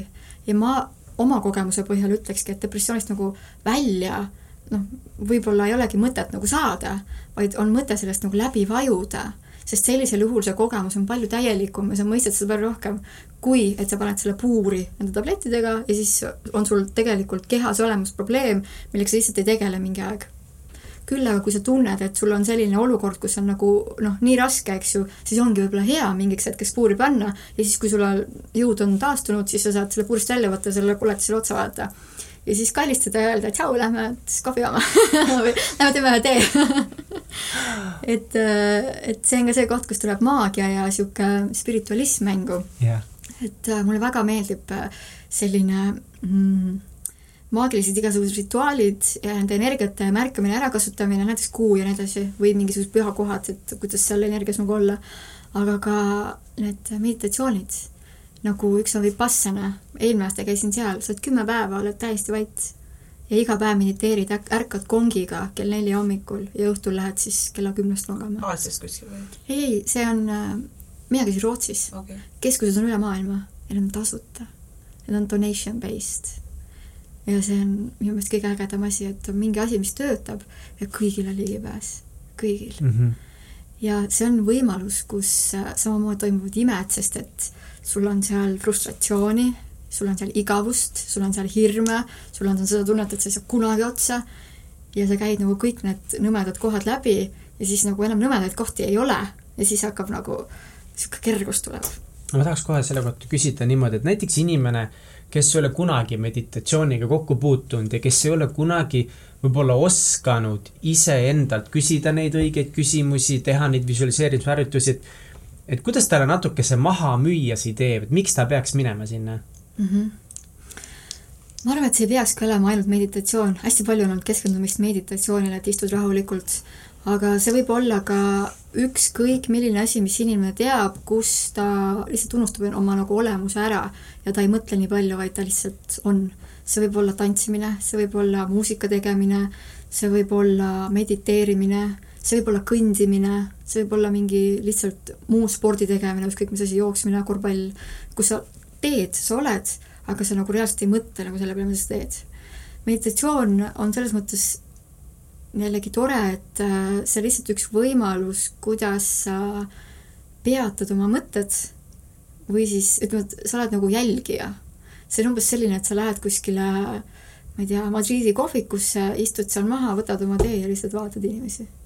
ja sa ei ole telefonis, sa ei loe raamatut või ajalehte, sa lihtsalt vahid neid inimesi, jood seda teed, tunned seda maitset, mediteerimine täpselt samamoodi, et sa lihtsalt oled iseendaga kohal. ja see on minu meelest kõige ilusam asi üldse et äh, depressiooni puhul või raskete olukordade puhul olla iseendaga kohal, sest kes see muu veel sind toetab, kui mitte sina ise. ja mul oli Caminol üks selline hetk, kus äh, sada kilomeetrit siis ennem Caminot me seal oma sõpradega ütlesime head aega, teadmata, kas me uuesti kohtume. ja ma tundsin ennast väga üksi ja see oli hästi niisugune emotsionaalne hetk, pluss mul tuli veel igatsus oma laste järele ja igasugused mingid muud teemad, mis mul on nagu elus on lahtised või sassis, tulid nagu ülesse ja siis oled sõbrad, eks ju, et võib-olla me ei näegi ja kuidagi nagu niisugune igatsus, üksindus, kurbus, masendus tulid nagu ülesse niisugune abitus tuli. siis ma mõtlesin, siis ma hakkasin nutma, ma kõndisin ja nutsin lihtsalt, no niimoodi pisarad voolavad. ja siis ma mõtlesin, ma tahaks, et keegi mind kallistaks. ja siis ma mõtlesin, et aga ei, tegelikult ma ei taha, ma tahaks just nagu iseendaga kohal olla selles, mida ma tunnen. sest väga palju varasemalt ma olen nagu ära põgenenud nendest kohtadest, kui midagi on negatiivset, siis lähen otsin kellegi, võtan veini, lähen jalutama, no kuidagi nagu juhin tähelepanu ära. Lähen ostan midagi ilusat või midagi head, eks ju, ja siis pärast tunned veel tühjemalt et see, see ilus asi, see uus mingisugune bluus või huulepulk või hea kook ei aidanud, eks ju. aga, aga kui ma seal kõndisin, siis ma, ma panin lihtsalt käed niimoodi, niimoodi enda ümber ja siis lihtsalt see tunne, kui su peopesa puudutab su, su nagu seda küünarnuki kohta, kuidas see nagu see puudutus, iseenda puudutus, et aga ma olen endal alati olemas. et ükskõik, kust ma läbi lähen, ma tean, et ma ise olen alati endal olemas. ja ja see tunne kuidagi oli nii armas ja siis ülejäänud teekonna ma nagu väga tihti tuli jälle see tunne ja siis ma lihtsalt kallistasin iseennast. ja see oli palju parem kui ükskõik kelle teise kallistus. See teadmine, et aga ma usaldan ja usun ennast. Ja ükskõik kust ma läbi lähen, ma olen, ma olen olemas endal, et ma ei juhi tähelepanu kõrvale, vaid ma jälgin seda, mis ma tunnen, mis mõtteid see toob, mis tundmusi ja tundeid see toob. ja see oli nii kuidagi rahustav ja nii hea, et see viis täiesti uude kohta. Lõpuks muidugi asjad ei ole kunagi nii hullud, kui sa ise ette kujutad, sellepärast see öömaja, mis ma hommikul endale leppisin, tuli välja, et kell kolm pidi kinnitama, mida nad mulle ei öelnud, mistõttu siis äh, ma jõudsin ühte armsasse linna Porto Marin ja helistasin, et nüüd neli kilomeetrit oli eemal, et ma jõuan natuke hiljem, et kuskil kaheksa-üheksa vahel, tavaliselt keegi nii hilja ei jõua, aga ma lihtsalt passisin veel ringi. ja siis nad ütlesid, aa, sul ei ole voodikohta. mul oli, et mis mõttes ei ole, et ma leppisin kokku. ja siis nad ütlesid, et äh, kell kolm pidi kinnitama ja sorry, enam ei ole. ma kirjutasin siis meie Camino Family Whatsappi listi, et kuulge, et niisugune olukord on, ma ei tea, ma siis magan kuskil puu all või teen jälle ühe öökõnni, ma tegin vahepeal öökõnni. ja siis äh, ja siis ühed sõbrad kirjutasid, et aga tead, et me oleme just siin lähedal, et me plaanisime ka minna Porto Marini ja me oleme siin umbes poole tunni pärast siin, et äh, me mõtleme su takso peale, et me lähme neli kilomeetrit taksoga siis mõtlesin, et aa jess, väga hea. ja ma läksin, jalutasin Porto Marini, ma sattusin hästi ägedale templirüütlite missale, täpselt õigel ajal jõudsin sisse sinna. olin seal missal, sain sealt jälle oma stambi, tulin tagasi sõpradega koos, siis läksime nende ööbimiskohta, et äkki neil on ka voodikohta, tuli välja, et siis neil ei ole, nad ütlesid, et okei okay,, isegi kui ei ole, me teeme akna lahti, tule meie põrandale, vaata aga ma sain seal oma toa. lõpuks ikkagi sain oma toa ja siis me sõitsime mööda ühtedest järgmistest sõpradest, kellega me olime ka just lahku läinud ennem. Nemad kõndisid ja nendel pidi olema järgmises linnas, aga kuna oli juba nii pime, siis nad tulid ka lõpuks, me olime kõik sealsamas äh, hostelis ja siis võtsime sealt äh, šampuse ja mingisugused võikud ja siis istusime seal kõik tooli peal ja mõtlesime, et äh, voodi peal ja mõtlesime, et, et ikkagi nagu jälle elu viis kokku. ja see on üks hästi ilus asi Camino puhul, et sa õpid nagu lahti laskma ja et umbes, et kui nii läheb, siis me kohtume ja sul on hea meel, sest et sa tead, sa lähed oma teed ja teised ka. et depressiooni kohta siis lõpetuseks vist ei olegi nagu midagi lisada, et et see on lihtsalt üks koht, kust läbi käia, kus on hästi hea võimalus saada kontakti oma vundamendiga, oma põhjaga, sest et kui sa oled põhjas, siis seal on see koht, kus on sinu vundament, mille peal sa seisad. kui sa lased kõigest lahti, siis sa näed, mis sind üldse hoiab ja see on see koht, kus nagu paned jalad maha ja siis saad nagu püssi tõusta ja lihtsalt ringi vaadata, mis koht see on. ja lõpuks nii, kui sa hakkad nagu märkama neid asju, mis mõtted sul on, mis kujundab sinu maailmavaadet, mida sa usud oma mõtetest, sest see, mida sa mõtled, seda sa usud ja sellest sa lood oma maailmapildi. ja siis need tekitavad sul jälle emotsioonid, siis sul tekib mingi emotsioon ja siis tulevad mõtted ja siis nad jäävad niimoodi ringi käima. aga sa saad selle nii kergelt tegelikult nagu muuta. et lihtsalt, kui sa märkad seda selle kohta võikski rääkima jääda, aga et ja siis sa lihtsalt vajud sellest läbi, ühest kogemusest. ja depressioon on midagi niisugust, et no ma ükskord kogen selle läbi seda rohkem kunagi ei tule. kui su mõtted sellises kohas käivad, siis, siis ma isiklikult pean seda rikkuseks. ja, ja see tuli mul tagasi pärast seda, kui ma ootasin oma poega kaks tuhat üheksa aastal ja ma kohe taipasin selle ära, et see on nüüd see koht, kus ma lihtsalt tundsin, et ma jooksin kokku. et laps nutab ja ise oled üleni seebine ja siis ei jõua, ma ei tea, depileerida ja duši all käia, juuksed pesta ja mees ütleb, ma lähen nüüd trenni, on ju, ja siis nii, et nagu ma ei ole umbes kolm päeva maganud, on ju, ja siis ma taipasin ära, et okei okay,, et ma jälle lähen sinna kohta, lihtsalt vaatasin ja tulin sellest välja. ja ja ma ütleks, et see on rikkus, sest et see on niisugune sügavus, see annab nagu kogu elukogemustele nii palju sügavust, et lõpuks nagu hirm selles osas nagu kaob ära, vaid see on niisugune nagu põnevus wow,. mis võib juhtuda siis, kui sa yeah. nagu reaalselt tegeled iseendaga versus see, et sa lihtsalt haaradki selle võib-olla lihtsama vastupanu, et sa hakkadki lihtsalt antidepressante võtma ja põgened ära nendest Põgen... emotsioonidest, eks ole, et sa ei, ei vaata otsa nendele emotsioonidele. see on nii, nii hea lugu, aitäh jagamast seda tõesti. palun, muidugi see, aga sa rääkisid, et see depressioon ja kõik see tekkis sel ajal, kui sa väga palju oma eesmärke saavutasid mm. -hmm. üks põnev asi, mida sa saavutasid, tegid, oli koolileht ja kuhu mm -hmm. see sind viis. et sa rääkisid, et, et, et see viis sind väga kaugele enne meile, aga et selle käigus läks väga palju pekki ka. jaa. no näed, räägi sellest loost ka meile natukese mm. -hmm. Mm. Ähm ma kolmeteises keskkoolis kunagi mõtlesin, et tahaks teha koolilehte, siis ma tulin Vestolmist ja Vestolmis ma osalesin koolilehes. Ja ma olin kümnes klass, ma tegin ägeda postri, et davai, hakkame tegema. Ja ma, kuna ma jäin kooli hiljaks, ma tulin Sauelt, siis äh, ma panin selle postri õpetajale tuppa, ütlesin, ma tulen järgmine vahetund ja võtan selle ära. ja kui ma läksin järgmine vahetund, ta ei olnud, keegi ei teadnud, kus see on. ja kümnes klass ma ei teinudki seda ja ma mõtlesin, et okei okay., et siis, kui keegi ära võttis, et siis ma kuidagi nagu isu kadus ära ja üksteist klassi ma proovisin uuesti ja siis see läks käima, selle nimeks sai Versus. Ümberringi oli hästi palju inimesi, kellega me seda koos tegime, me tegime paari lehte koolis, kolm teises, kasutasime selle üle Mustamäeliseks, üle Tallinnaliseks, ma tegin projekte Haridusametile, Spordiametile, Euroopa noortele, ma olin seitseteist ja mul käis sadu tuhandeid kroone läbi, mis oli tegelikult väga äge, et, et on projekte, kes nagu usaldavad alaealisi selliste summadega. Ja see pani mind, äh, kuna mu ema on audiitor, siis äh, väga palju asju õppisin, kuidas nagu on jokk ja kuidas nagu süsteemi sees olla, aga ikkagi nagu kasutada kõiki süsteemi võimalusi.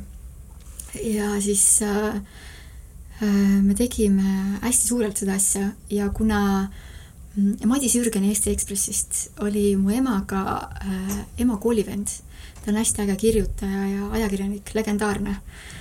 ja, ja siis kunagi ma võtsin temaga ühendust, sest et ta, ta oli mul mentor mingi aeg kirjutamise osas, sest mulle väga meeldib nagu väljendada ennast kirjaga. ja siis ähm, ja Madise kaudu me hakkasime uuesti rääkima Eesti Ekspressiga ja Eesti Ekspressil oli siis kunagi selline koolilehtede võistlus äh,, Vedur oli see vist, ja siis sinna pandi nagu parimad lood, mis siis tulid koolilehtede ühest laagrist, kus ma käisin ka. ja Madis oli seal üks õpetaja ja siis Madise kaudu tuli see teema, et aga tulge Ekspressi vahele. Ja siis ma olingi äh, seitseteist, kaheksateist, kui ma müüsin selle brändi maha ja ma ei läinud nagu niisama, ma mõtlesin, et aga ostke ära siis nad ostsid ära selle. Ekspressile proovisid maha müües oma õpilaslehte? jaa, ma müüsin selle maha neile, selle brändi. miks nad tahtsid seda? sellepärast, et ma tegin selle, ta oli edukas, sellepärast et äh, noorte ja siiamaani äh, tuleb nagu sinus, niimoodi nagu lainetena tuleb seda, oli Meie meel kunagi, mäletate mm? -hmm. see oli populaarne, siis kadus ära, oli Stiina kunagi, oli populaarne, kadus ära, samamoodi oli Versusega. ta kasvas, kasvas, kasvas, oli populaarne, ma müüsin ta maha siis, kui oli kulminatsioon ja siis äh, mina tulin ära ja siis ta nagu kadus ära et Ekspress tegelikult äh, omas seda brändi veel tükk aega, siin mõned aastad tagasi alles see nagu Patendiametist tuli nagu nende alt välja, siis ma patenteerisin selle ära ja siis ma müüsin selle maha Ekspressile. Ja siis äh, ma ise olin seal peatoimetaja ja me saime seal kõik Ekspressi võimalused Äh, hästi äge oli see. ma töötasin Ekspressis veel ennem ajakirjanikuna ja siis, siis ma olin seal selle ajalehe peatoimetaja. ja teha nagu Ekspressis, äh, ma ütleks, et Ekspress oli kõige põnevam, kõige ägedam töökeskkond inimeste mõttes, keskkonna mõttes, võimaluste mõttes. Hullult kihvt oli. kui vana sa olid siis? siis ma olingi äh,, ma läksin Ekspressi vahele pärast keskkooli. Et see oli, ma arvan, et võib-olla esimene töökoht niimoodi, mis mul tuli pärast keskkooli. see oli üheksateist äkki? Okei. Okay.. ja, et see oli väga kihvt ja siis äh, siis me tegime seda kaks aastat ja siis samal ajal tuligi, et Heidi Purga helistas Raadio kahest, et kuule, et äh, teil on see, see ajaleht siin, et tule tee saadet ka. siis ma kutsusin kaasa meie peatoimetaja Versusest, tegime temaga koos seda saadet, saade läks hästi, siis Heidi ütles, et tule tee seda päevasaadet ka. Ja siis ma tegin stand-up Aniga, kes nüüd on äh, äh, Vikerraadios vist äh,. tegime Raadio kahes siis seda päevakorrasaadet. see oli ka tegelikult hästi raske pingeline, sest et sa pead olema üheteistkümnest kolmeni iga päev eetris uute teemadega otse-eetris ja kogu aeg nagu leia siis, sest vahepeal oligi nagu selline hetk, kus umbes helistad kuskile Otepääle mingisugusele ma ei tea, tuletorni juhatajale, noh, kuidas siis läheb, on ju. et neid intervjuusid vahepeal üleval hoida ja mul kadus nagu täiesti isu ära. tundsin, et see oli raske. Ja, aga selle Versusega oli niimoodi, et ähm, ta sai väga populaarseks ja, ja mul oli kihvt positsioon seal olla, sest ma sain tegeleda turundusega, turundusjuhiga oli hästi hea kontakt, me tegime koos kampaaniaid ja sündmusi, teise poole pealt olid eh, siis kõik need kirjutajad ja siis need teemade planeerimine, samas oli olemas eh, Tiina Kaalep, kes oli hästi äge peatoimetaja, ta siis Ekspressis toona. ta on selline võimukas naine, natuke nagu eh, mehelik oma tegude poolest, aga ta on suutnud ühendada selle oma niisuguse naiseliku meelega ja naiseliku kavalusega ka super hästi ja nüüd äh, Tiina Kaalep äh, töötab äh, Hea lugu, mis on Eesti Ekspressi kirjastus, kus ta teeb täpselt samamoodi oma karismat seal siis jagab, et see, ta oli väga inspireeriv naine. ja siis Tiinaga koos töötada, et iga hetk sa võid minna istuda sinna tooli peale lihtsalt rääkida, et mis on või noh, niisugust asja sul koolilehena ei ole võimalus.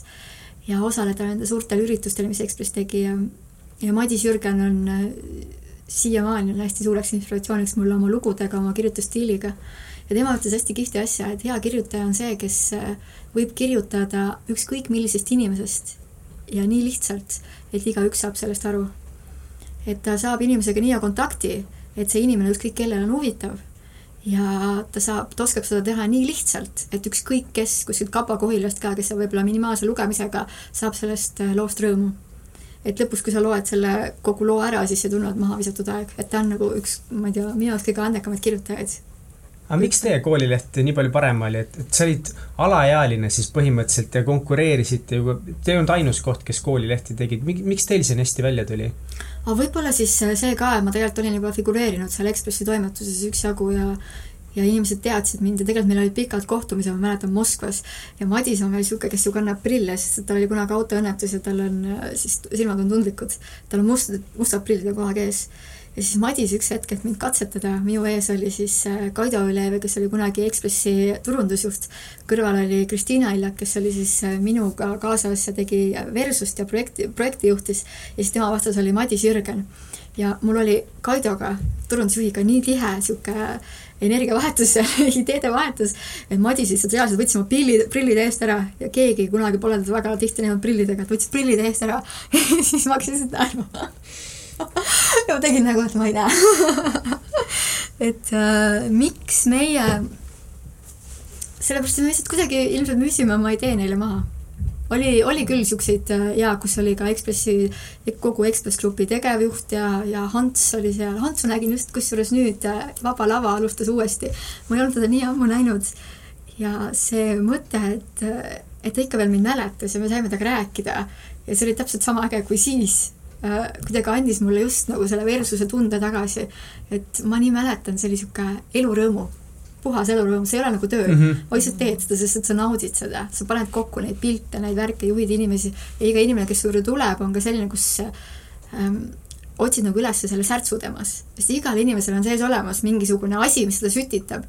ja nüüd äh, minul kui peatoimetajal oli siis äh, reaalselt niisugune ähm, niisugune huvi suisa nagu, et aga et kuidas nüüd see inimene mahutada siia meie tiimi selliselt, et ta naudiks seda ja saaks teha täpselt seda, mis on nagu temas selline hea, mida ta oskab teha.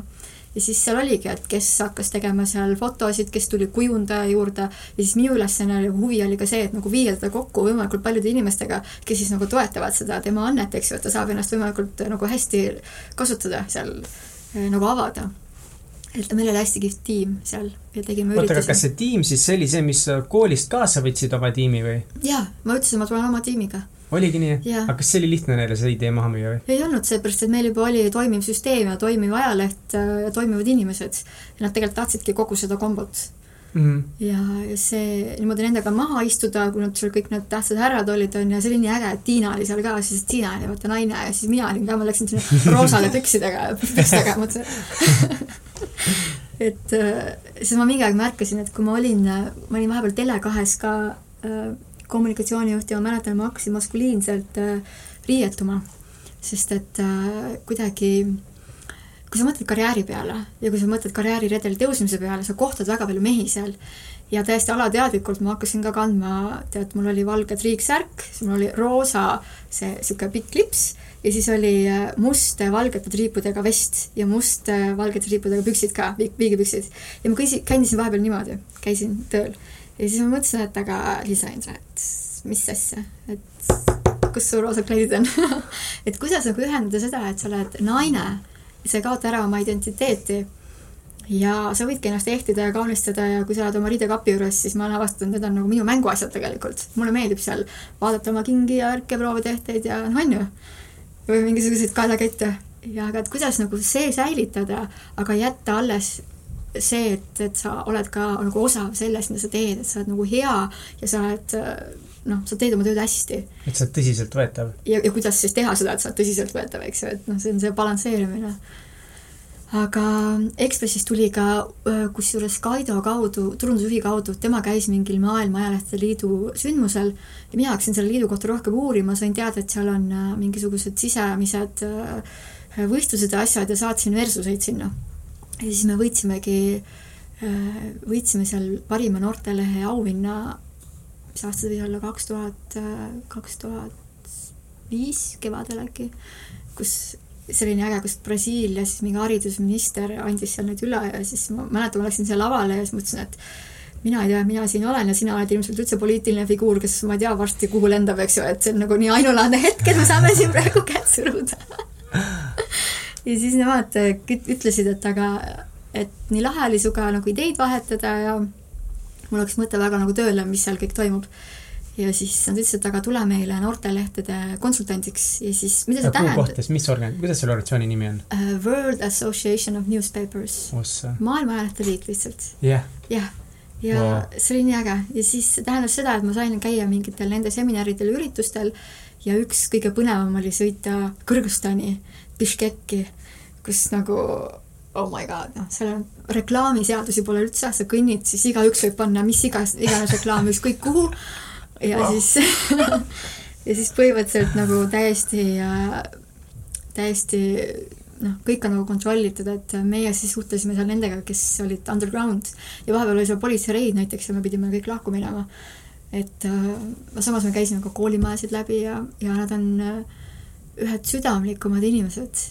Ja mina olin seal Viie tärni hotellis, eks ju, ja hommikul teen oma akna lahti ja lähen rõdule ja siis vaatan, et, siis ma saabusin öösel, mõtlesin, et ma vaatan, mis, mis seal nagu ümber on ja siis äh, vaatan, kuidas all on mingid suured basseinid, palmipuud, inimesed on seal, joovad oma drinke, eks ju.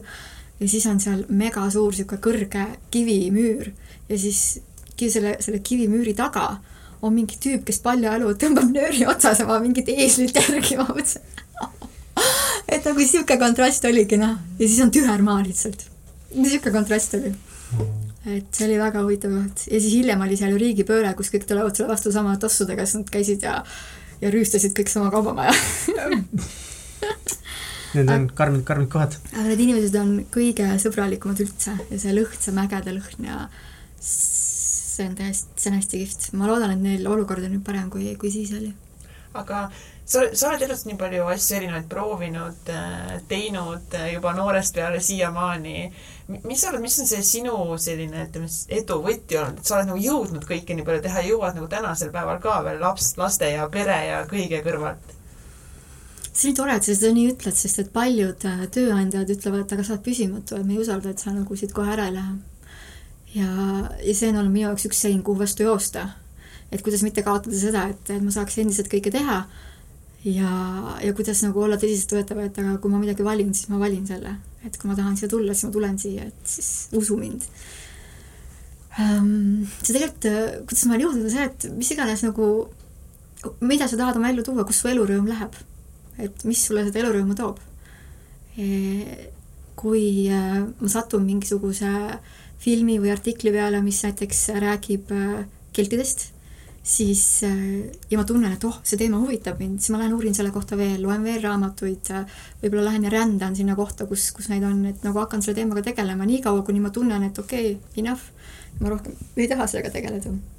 noh, keldid on ka üks asi, mis on juba väga pikalt mind huvitanud, see on hästi kihvt, nende kultuur. see sõltub sellest, kuhu sind tõmbab. ja usaldad seda, et kuhu sind tõmbab, see on nagu õige koht. See on see Camino tarkus, et, et kui su tee sinna viib, siis mine, usalda. isegi kui sa ei tea, et need asjad tulevad avanevad sulle siis, kui sa seisad seal ees ja mõtled, kuhu poole minna, siis sul õige tee avaneb ja siis sa lähed sinna. lihtsalt ikkagist tegutseda ja proovid erinevaid. mitte tegutseda, vaid äh, võib-olla olla avatud, äh, olla avatud erinevatele teemadele ja usaldada seda oma huvi. Et kui sul tekib huvi mingi asja suhtes või näiteks armuteemad, väga hea näiteks kujutad ette, et sul tekib särts mingi inimesega, siis usaldad seda särtsu, et ilmselt see tekkis mingi mõttega, mingi yeah. kirg või mingi tõmme. et see tekkis ilmselt mingi mõttega ja ma ei nulli seda ära ja kujuta ette, et seda pole olemas, vaid et äh, ma mõtlen, et aga mis siin nagu on, et kuidas ma saan seda, seda siin nagu avastada, et mis siin on üldse avastada enamasti nende inimeste vahel, kellel tekib selline tõmme, on hästi palju teineteisest avastada ja nagu üksteise elust aidata et kui ma selle ära nullin, siis miks, üldse, see on küsimus, et miks, miks ma üldse elan, vaata. et need asjad, mis sind huvitavad ja kuhu poole sind tõmbab, on ju need asjad, mis toovad sulle ka elurõõmu. jah et..., aga tänapäeval on nagu nii palju neid erinevaid asju, inimesed võib-olla eriti ei teagi seda, et mis, mis see on nagu, mis, mis neid võiks nagu huvitada kuidagi mm -hmm. nagu nii oma igapäevategevuste saada kinni või sa oled nagu ühes kohas nagu kinni, vaata, sa oled kuidagi nii palju nagu olnud nagu vaba piiridest, et sa lähedki sinna Iisraeli kohale, sa lähed erinevatesse maailma otsadesse kohale, et kogeda neid kohti, aga osa on lihtsalt kinni nagu no ma olen ka selles, võiks vaadata, et see koht, kus ma praegu olen, ka päris kinni, sest enne kui ma läksin ära, ma lõpetasin kõik oma töösuhted. mul on olnud äh, selline oma pisike ettevõtlus, mille kaudu ma teen ja, ja mul on erinevad projektid, mis on, osad olid püsivad ja, ja osad tulid kogu aeg juurde. ja ma lõpetasin kõik ära ma jätsin raha nii palju, ma saan maksta paari kuu mingid arved, siis ma mõtlesin, et ma ei tea, mis saab.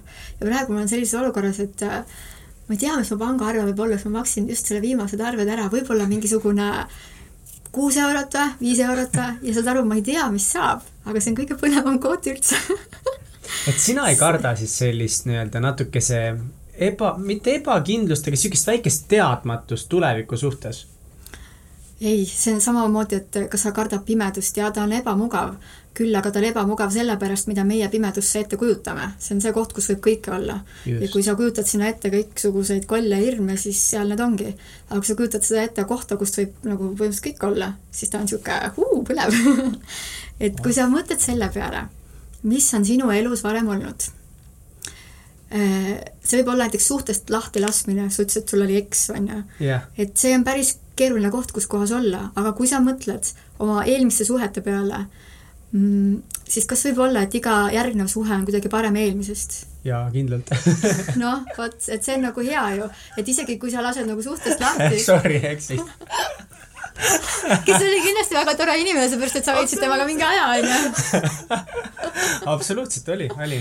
ja kui sa mõtled oma elule tagasi, kõik ja. asjad, mis on su elus mina olnud. mina ei olnud tegelikult nende vääriline tol hetkel lihtsalt okei okay. Proovi päästa. okei okay,, ma proov-, ma tegelikult proovisin päästa, ei, meil vist ei klappinud okei okay. või et üldsegi, kui sa oled tänulik selle eest, et sa oled praegu siin mm, -hmm.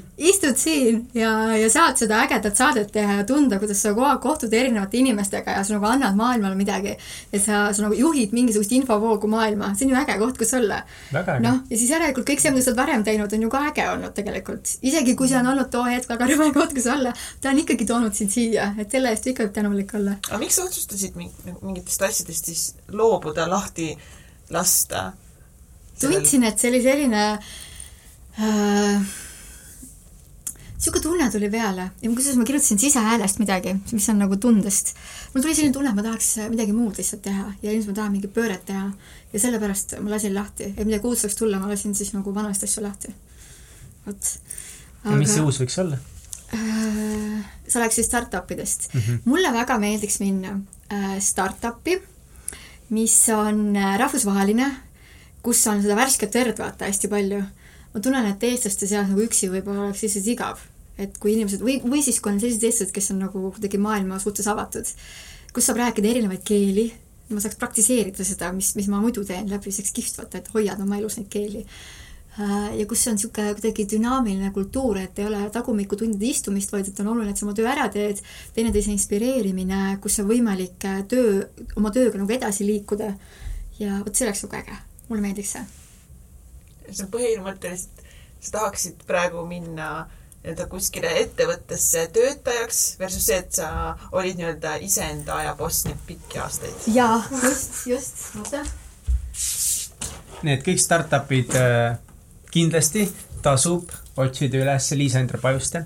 väike kohe siin Liisa, promo. Liisa jooksis praegu oma käekoti juurde, tõi välja ühe väga salapärase mul on töö A4., mis on mu kutsumus, mis ma tunnen, et olen õiges kohas ja teen õiget asja ja see on väga head tasu see on mul siin kirjas.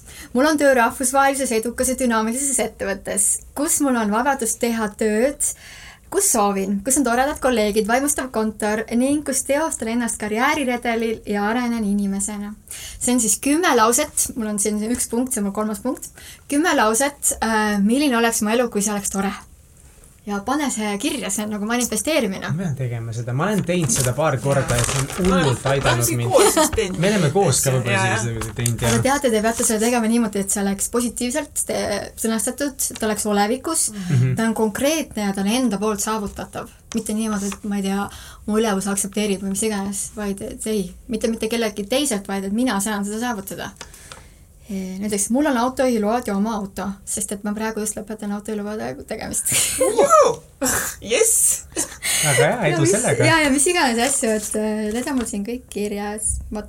kas sa panid need kirja nüüd, kui sa tagasi tulid? jaa, ma panin need kirja, kui ma tulin tagasi. ma mõtlesin, et need on need, mida ma tahaks, aga äh, ma mõtlen, et äh, vaata, sa küsisid seda tundmise asja, ma, kas ma võin sul lugeda siit ühe Võid mõtte? loe meile üks ma mõte. mõtlesin, et kuidas endas mm. leida ja hoida sisehäält, sisetunnet. Ja ma kirjutasin selle Caminol. sisehäält saab muuta sisetundeks. sisetundest tuleb siseteadmine, sisekindlus. sisekindlus tuleb oma sisetunde usaldamisest. eneseusaldus tuleb ümbritseva usaldamisest. ümbritsevat usaldad, kui usaldad oma teed. oma tee usaldamine tuleb kõige elu usaldamisest. ehk siis, et sa usaldad oma sisetunnet, kui sa usaldad kõike seda, mis on su ümber teate mis? Meil aga aega on hakata lõpetama. ja ma arvan, et see on üks lause, mida te võiksite nüüd kõik oma kõrvaklappides korra tagasi kerida, uuesti läbi lugeda, läbi lugeda wow., kuulata.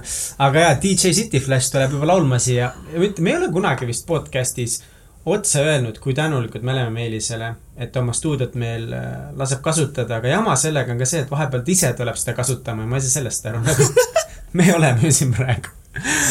aga igatahes äh, Liisa, nagu sa täna inspireerisid mind metsikult palju ja ma olen väga tänulik selle eest, et sa avasid neid mõtteid ja, ja ma loodan väga, et äh, kuulajad said ka palju sellest. sest äh, ma ütlen, sinuga tahaks veel vestelda nii pikalt ja rääkida kõigist asjadest, mis sa õppinud oled ja kuhu sa jõudnud oled, aga aga lihtsalt, lihtsalt ei, ei jõua ühes episoodis kõigest, kõigest rääkida, millega see naine on elus, elus hakkama saanud ja, ja aitäh, et sa oled nii avatud, et ja. sa julged öelda või sa tahad öelda kõike, mida sa tunned ja mida sa mõtled. aitäh selle avalduse eest, et sa loed oma päevikust meile siukseid võib-olla pigem isiklikke asju ette, et ma olen hullult tänulik selle eest sulle. aitäh, et sa seda niimoodi ütled et sa mind niimoodi näed, see on nii armas. ja aitäh, et te kutsusite mind siia. kus meie kuulajad saavad sinu tegemistel silma peal hoida? banaanisaar.ee on üks veeb, millel on ka Facebooki leht ja see nüüd saab uuendatud, sest et Camilal ma kohtasin väga ägedat graafilist disainerit, kes tegi mulle täiesti uue välimuse ja logo Yeah. ja, ja, ja nüüd äh, see teeb väikse uuenduskuri ja siis lähevad kõik asjad edasi. seal on äh, vegan toitumisest, mis on üks minu suur teema, loomakaitse, üldse vähemuste kaitse ja ka maagilised teemad on seal olemas. minge kõik vaadake banaanisaar.ee, mina enne ei teadnud seda, aga nüüd ma natuks lugesin su blogi ja päris lahe oli head aega kuulajad tegemist. nägemist. järgmiste kuulamisteni.